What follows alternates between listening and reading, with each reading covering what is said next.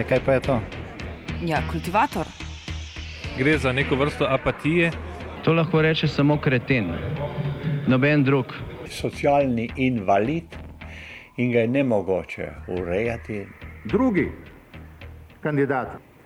Pa, pa pije, kadi, masturbira, vse kako hoče lahko počne. Nihče tega ne ve. Vsak petek v off programu skultiviramo dogodek tedna. Lahko po kriterijih radio študent, težko pa po evropskih kriterijih. Ampak na drug način, kot vi to mislite. Kultivator vedno užge. Da pač nekdo sploh omenja probleme, ki so, in da pravzaprav sploh nekdo sproži dogajanje uh, v družbi. To drži, drži. 135 tisoč žrtev političnih igric.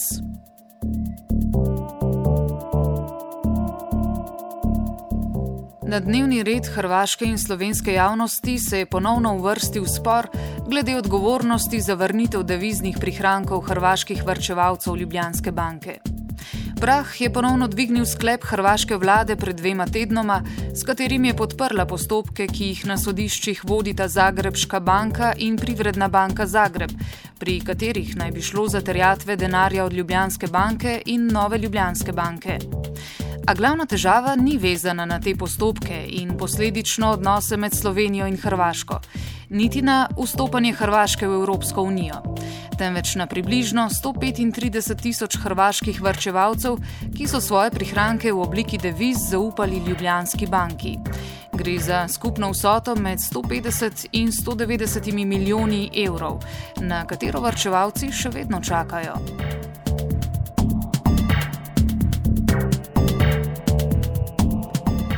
Po razpadu Jugoslavije je Hrvaška varčevalcem tujih bank, kar je bila Ljubljanska banka na Hrvaškem, omogočila prenos deviznih vlog na hrvaške banke. Večji del varčevalcev Ljubljanske banke je to tudi storilo. E, okoli 135 tisoč varčevalcev pa je svoj denar ohranilo na računih Ljubljanske banke. Tisti, ki so denar prenesli na hrvaške banke, so ga tudi dobili. Saj je hrvaška država najela dolg, sposojeni denar pa je prenesla na hrvaške banke, ki so ga porabile za izplačilo deviznih vlog.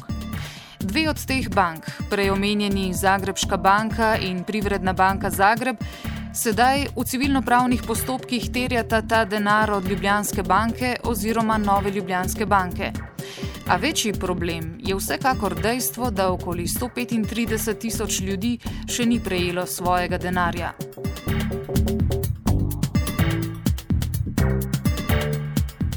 Na tem mestu je treba omeniti dve ključni dejstvi. Prvič, Slovenija je z ustavnim zakonom, kar mu zagotavlja skladnost z ustavo, leta 1994 ustanovila novo Ljubljansko banko, na katero je bilo preneseno skoraj vse premoženje Ljubljanske banke in izjemno majhen del njenih dolgov.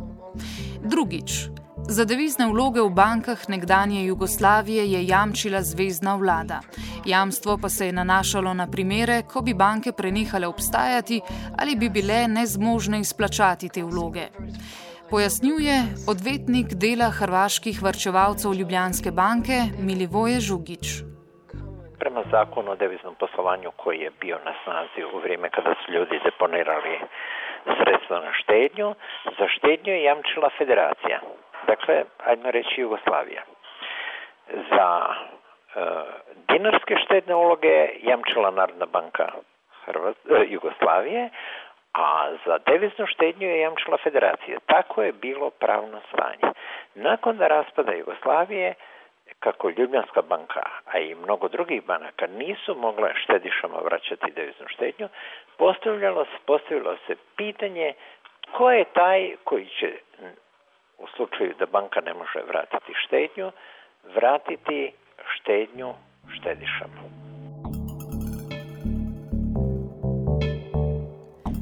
A Milivoje Žugič opozarja, da za vrčevalce to ni vprašanje nasledstva. Jedna je stvar sa pozicija štediša, a druga je stvar sa pozicija država. sa pozicija štediša to nije sukcesijsko pitanje. Ja kao vlasnik novca na štednom računu imam pravo tražiti taj novac od onoga kod koga sam novac deponirao.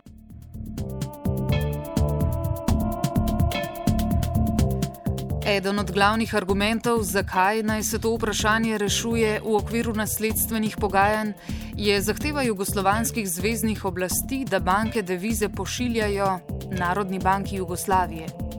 Banke so sicer v zameno prejemale dinarje in so bile še vedno dolžne izplačevati devize. Odvetnik Žugič pa dodaja še, da banke sploh niso bile dolžne pošiljati deviz v Beograd, ampak da je bila to zgolj pravica. Pa gledajte, oko tih devize je bilo puno priče. Slovenija je imala svoj stav da su te devize uh, otišle u Narodnu banku Jugoslavije. Ne. Te devize, e, e, devizna štednja bila uvedena davno tamo, mislim 72. ili 69. godine, ne znam, neke davno. I bilo je samo o, postojala je obveza da se te devize po, postojala je pravo zapravo banaka, da te devize po takozvanim pro forma računima deponira kod Narodne banke Jugoslavije. Ali to nije nikad njihova obveza bila, nego samo pravo i zato bi oni dobivali e, dinarska sredstva. A čak im je negdje 89. godine i mislim da je to bilo 10. mjeseca 89. godine, takva mogućnost prestala. E sad, znači nikakva obveza, kao što je Slovenija tvrdila, e, Ljubljanske banke nije bila da da te e, devize deponira kod Narodne banke Jugoslavije. Ne, nikad. Znači, nitko nije prisiljavao e, Ljubljansku banku, niti bilo koju drugu banku na teritoriju bivše Jugoslavije, kad im je netko donio devize i rekao, slušajte, ja hoću da ovaj, deponiram to, oni su mogli reći, mi se ne bavimo tom vrstom posla. One su svojom stranke u obvezne odnose stupaju slobodno, one su svojom voljom primale te devize na svoju deviznu štednju. Ob tem je treba izpostaviti, da so Slovenija, Makedonija in Zvezdna republika Jugoslavija, torej Srbija in Črna Gora, ob razpadu skupne države zagotovile jamstva za vse matične banke in podružnice tujih bank na svojem ozemlju. Medtem ko Hrvaška in Bosna in Hercegovina jamstev za podružnice bank nista prevzeli. Razloge za sedanji problem vidi ekonomist Jože Mencinger v dogodkih izpred 15 let.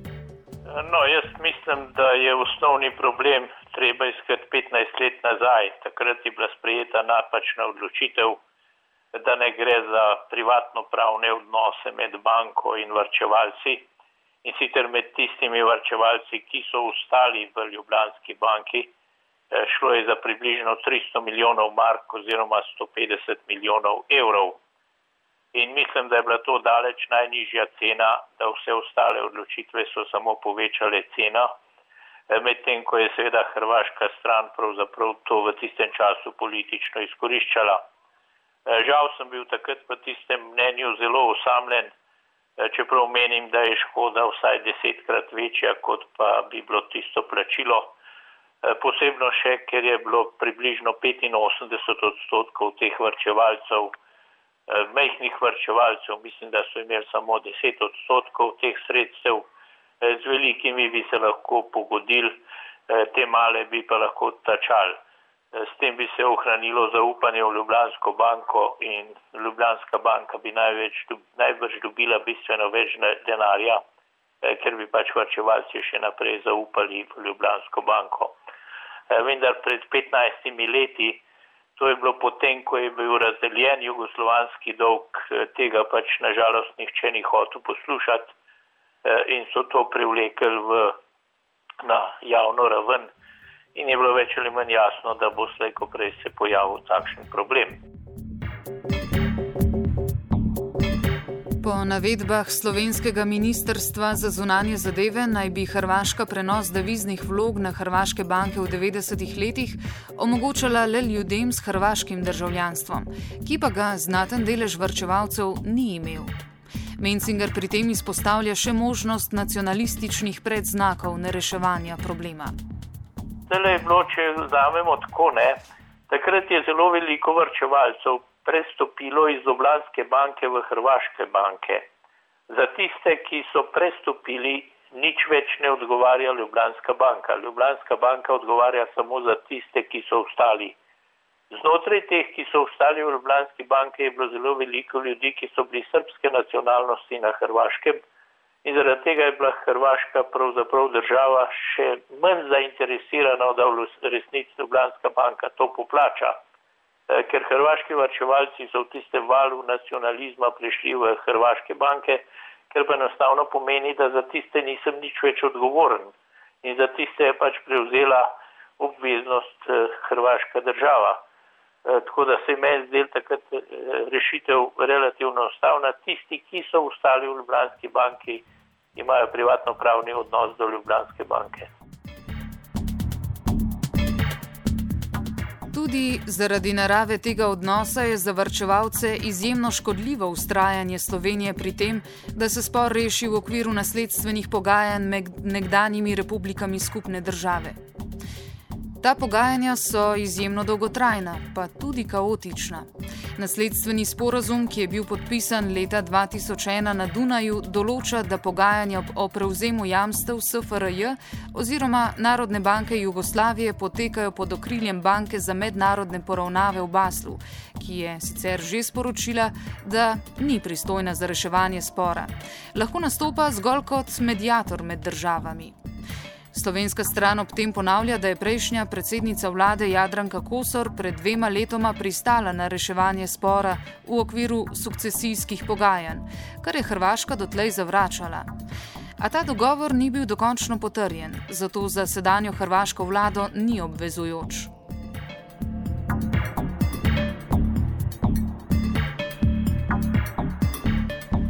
Hrvaška tako ustraja na dvostranskem reševanju spora, kar podpira tudi Evropska komisija.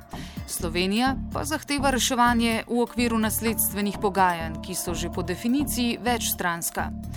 A zunani minister Rjavec zna ta dva izključujoče se termina oziroma termina povezati. Sledeče je dejal v včerajšnji oddaji odmevi na nacionalni televiziji. Ja, gre za vprašanje sukcesije, gre za dvostransko uh, vprašanje in kot rečeno, očitno, uh, ko uh, se je zapiralo četrto poglavje, ko je šlo za pristopanje Hrvaške v Evropsko unijo, so bili neki dogovori in tudi obstajajo nekateri dokumenti, naprimer hrvaškega finančnega ministra Šukarja, kar kaže na to, da dejansko je usporedno so potekala še nekatera dogovar, dogovarjanja glede glede uh, teh uh, uh, vlog vrčevalcev na, na Hrvaškem, glede Ljubljanske banke. Zakaj Slovenija sploh ustraja pri reševanju v okviru nasledstvenih pogajanj? Tako bi namreč dolg lahko razpršila na vse nekdanje republike, razen na Črnogoro, ki v teh pogajanjih ne sodeluje, s tem pa radikalno znižala vsoto, ki bi jo morala sama plačati. Obenem pa predstavlja to dobro pogajalsko urodje v siceršnjih pogajanjih. Odvetnik vrčevalcev Žugič ponovno opozarja na jasno pozicijo samih vrčevalcev. Što se tiče štediša, stvar je jasna. Oni imaju potraživanje prema staroj Ljubljanskoj banci, imaju potraživanje i prema novoj Ljubljanskoj banci ukoliko je na nju prešla imovina stare Ljubljanske banke. Štediše imaju svoje potraživanje, imaju kao prema subsidijarnom jamcu, po mom mišljenju, prema bilo kojoj održava sljednica bivše Jugoslavije. Jer tamo se kaže da za devižnu štetnu jamči federacija. Kada se pitalo ko je pravni sljednik Jugoslavije, svi su rekli mi smo sljednici. Ni Slovenija nije zanijekala, nitko nije zanijekao. Svi su dapače se grabili ko će biti pravni sljednik Jugoslavije. Znači da sve te zemlje odgovaraju štedišama ako se ne mogu naplatiti prema novoj ili prema staroj Ljubljanskoj banci. A ovo što se sada događa, to je pitanje njihovih unutarnjih sukcesijskih odnosa, ko će u krajnjoj liniji platiti to što je platio štedišama. Jamstvo nekdanje federacije za devizne vloge pa najverjetneje ni relevantno, saj še vedno obstaja nova Ljubljanska banka, ki je prevzela premoženje stare Ljubljanske banke in bi lahko torej poplačala te terjatve. Odgovornosti se nova Ljubljanska banka po mnenju Žugiča ne more izogniti. Ta odgovornost nove Ljubljanske banke je neizbježna. Znači imamo jednu pravnu osobu, to je stara Ljubljanska banka, i ona svoju imovinu da drugoj pravnoj osobi. Ona ne može reći, je, ja nemam tu imovinu i vi trčite za, za tom novom. Ona odgovara, a ne može ni nova Ljubljanska banka reći, mi ne odgovaramo, vi se obratite staroj. Tim što si preuzeo imovinu druge pravne osobe, do vrijednosti prenete imovine odgovaraš se njene obveze.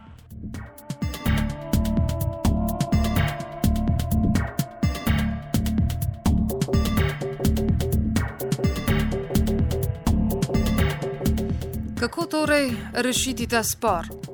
Elegantno rešitev ponuja novinar hrvaškega časopisa Jutarnji list Viktor Besnik. Rješenje vidim jedino, jedino u isplati to je s jedne i sa druge strane, jer i ovdje je ostalo nekih dugova, iako su dva odvojena procesa koje inače ne treba miješati.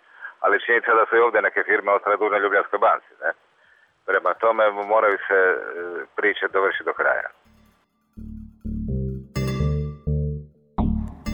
Kultivirala sta Boris Vasov in Anže Kožuh.